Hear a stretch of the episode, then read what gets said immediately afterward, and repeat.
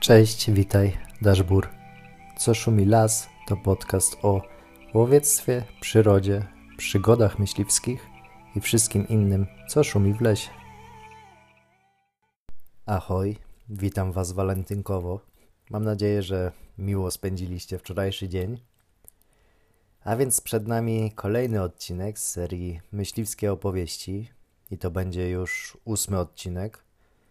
Oczywiście cały czas Was zachęcam do wysyłania własnych wspomnień, bo jak tak dalej pójdzie, to będę musiał zacząć intensywnie polować, żeby przytrafiły mi się jakieś nowe przygody.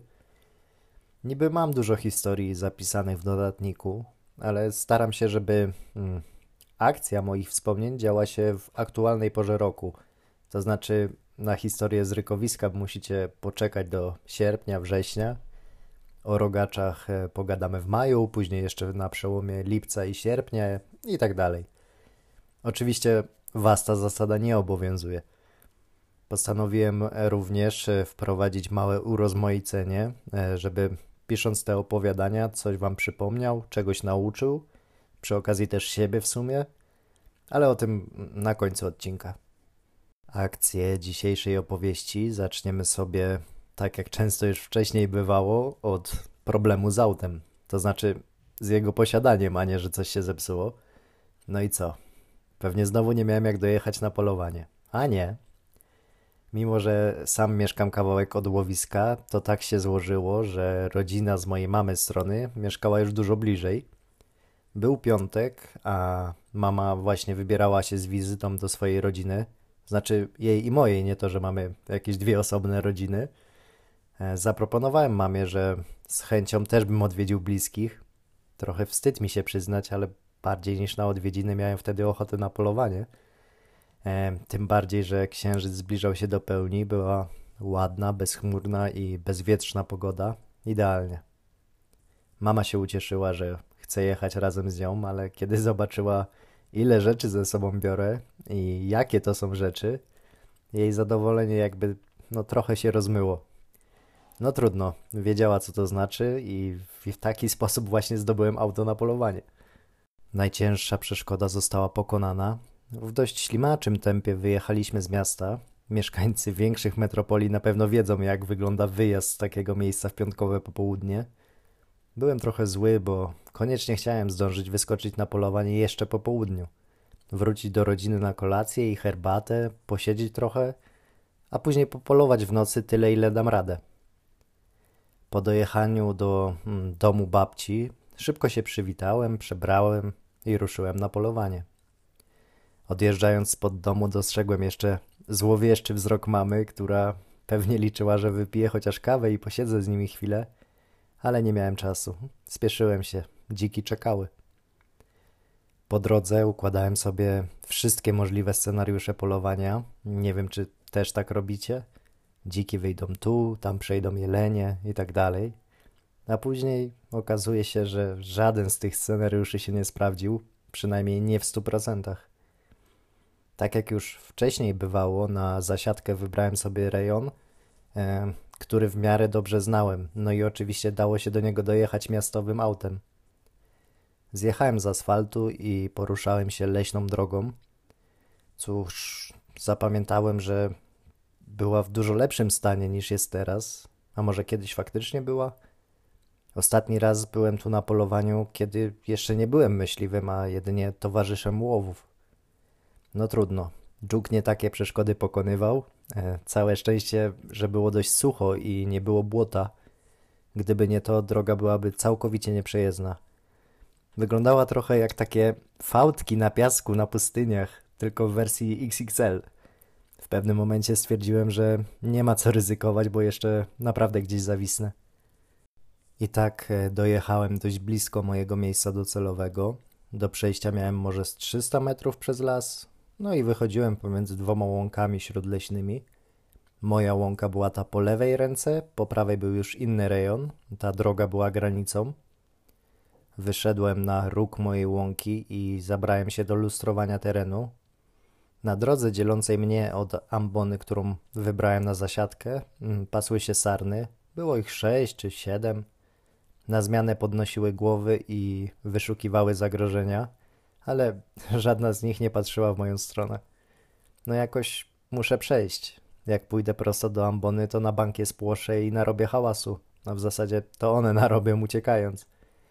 Iść naokoło za bardzo mi się nie chciało, tym bardziej, że nawet to mogłoby nie zapobiec wykryciu przez czujne oczy tych sarniaków.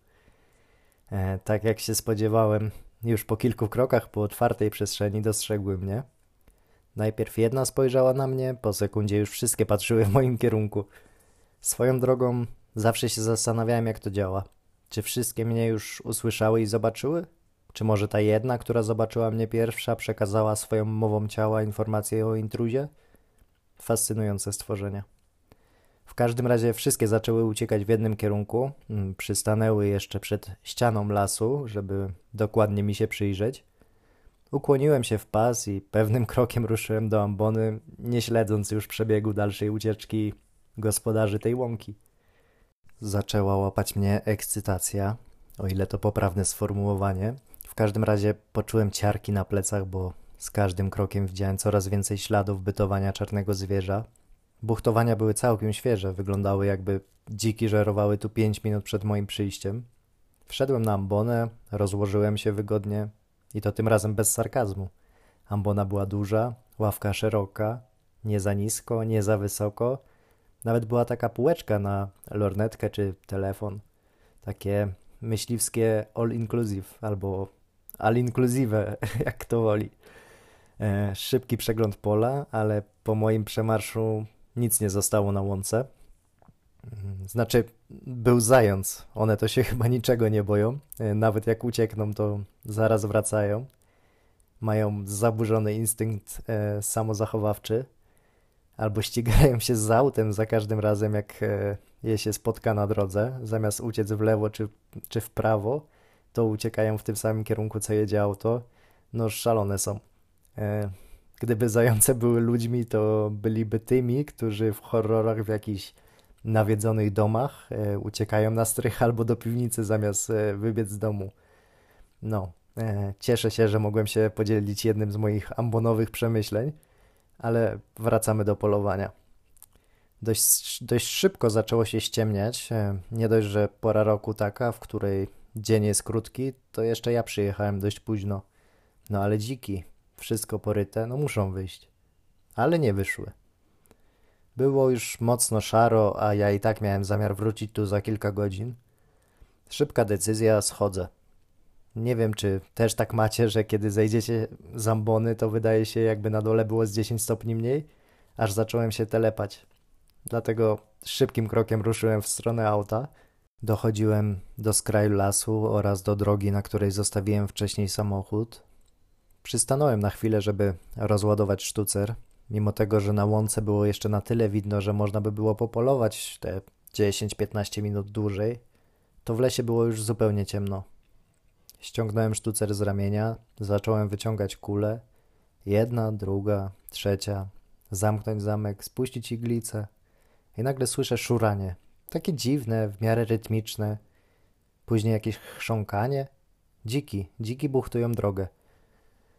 Sięgnąłem po jeden pocisk i teraz tak pomyślałem, i co ja im zrobię w tej ciemnicy? Chyba rzucę tym nabojem, bo o strzale nie było mowy. Ale te odgłosy cały czas się zbliżały. Nie za szybko, ale się zbliżały. Może wyjdą na łąkę? I nagle usłyszałem hałas, który w niczym nie przypominał dzików. Brzmiało jakby niedźwiedź z przypiętymi nartami spadł z drzewa. Tego było już za wiele. Wyciągnąłem latarkę i zaświeciłem na drogę. Na tej dziurawej drodze leżał człowiek na rowerze, a w zasadzie to rower na człowieku, bez oświetlenia, w całkowitej ciemności, po tych wertepach. No odważnie. Trochę nie wiedziałem, co mam zrobić, bo jednak dość dziwna sytuacja. Człowiek w międzyczasie przy pomocy światła z mojej latarki dość niezdarnie podniósł się z ziemi. Był to dość wysoki, brodaty mężczyzna. Wyglądał na zaniedbanego. Tym bardziej nie wiedziałem, co zrobić. W lesie najstraszniejsze stworzenie, na jakie możesz się natknąć, to właśnie inny człowiek. No dobra, podchodzę do niego. Stał już przy rowerze, chociaż lepiej powiedzieć, że próbował stać. kiedy do niego podszedłem, mm, wyczułem wyraźną woń alkoholu. I nie to, że jestem jakimś e, wybitnym smakoszem, ale pachniało tanim winem. Na szczęście ten pan chyba również się wystraszył tego, że nie jest tu sam. Wspomniałem, że był wysoki, ale ja byłem wyższy. W dodatku świeciłem na niego latarką, więc nijak nie mógł dostrzec, e, z kim ma do czynienia. Wydaje mi się, że pomyślał, że jestem jakimś policjantem czy coś takiego, bo od razu zaczął się tłumaczyć pijackim głosem. Nie wiem, czy uda mi się to odtworzyć, ale brzmiało to mniej więcej tak. Panie, ja tędy codziennie jeżdżę. A gdzie pan jedzie? Do domu, wracam z pracy. Tu już ledwo powstrzymałem śmiech. To w pracy pana tak porobili? No w pracy, już jadę. Panie, pan nie jedź, tylko idź. Później coś tam bełkotał i trudno było zrozumieć co, ale do rady się zastosował i faktycznie prowadził rower. Chociaż wyglądało to tak, jakby to rower prowadził jego. Wyczuwalna była jakaś magiczna aura między nimi. No ale dobra, ja poszedłem w swoją stronę, a brodaty w drugą. Próbowałem mu jeszcze świeścić wzdłuż drogi co jakiś czas, ale nie wiem, czy mu to pomagało, czy przeszkadzało. No więc e, tak, no różnych ludzi i różne rzeczy można spotkać na polowaniu. Trzeba na wszystko uważać i spodziewać się niespodziewanego. A czy wróciłem na tą łąkę jeszcze tego dnia? Nie. Nie wróciłem. Nie miałem już siły ani chęci. Poza tym, jakbym wpadł do babci po raz drugi i nie posiedział dłużej, mama by mnie chyba rozszarpała. Wróciłem jednak w to miejsce kilka dni później, ale to materiał na kolejną opowieść. I to już e, koniec tej myśliwskiej opowieści. A teraz obiecane urozmaicenie. Mm, postanowiłem, że po każdym odcinku z tej serii będę tłumaczył trzy losowe słowa z gwary łowieckiej. Nie to, że mm, wszystkie znam, nie, nie. E, przy okazji sam się czegoś nauczę, a może i wam część przypomnę, a może i wy nauczycie się czegoś nowego. Tak więc zaczynamy. Na pierwszy ogień idzie korkociąg. I nie, nie chodzi o ten do otwierania wina. W języku łowieckim jest to mm, spiralnie skręcony parostek e, kozła sarny, ale też może być e, tyka wieńca jelenia. Drugie słówko to będzie stroje i dla większości byłoby to coś związane z ubiorem czy kostiumem, jednak e, w języku łowieckim są to jądra samców ssaków. I ostatnie słówko Mikita lub Mykita, chociaż brzmi jak jakieś rosyjskie imię, to oznacza lisa. I to już wszystko w dzisiejszym odcinku. Dajcie znać, czy podobała Wam się dzisiejsza opowieść oraz czy pomysł z gwarą łowiecką na końcu odcinka to dobry pomysł. Tradycyjnie zachęcam Was do dzielenia się swoimi przeżyciami. Jeżeli podobał Wam się ten odcinek, to zostawcie ocenę na Spotify oraz zaobserwujcie profil kanału na Instagramie lub Facebooku. Dziękuję Wam bardzo. Do usłyszenia. Daszbur.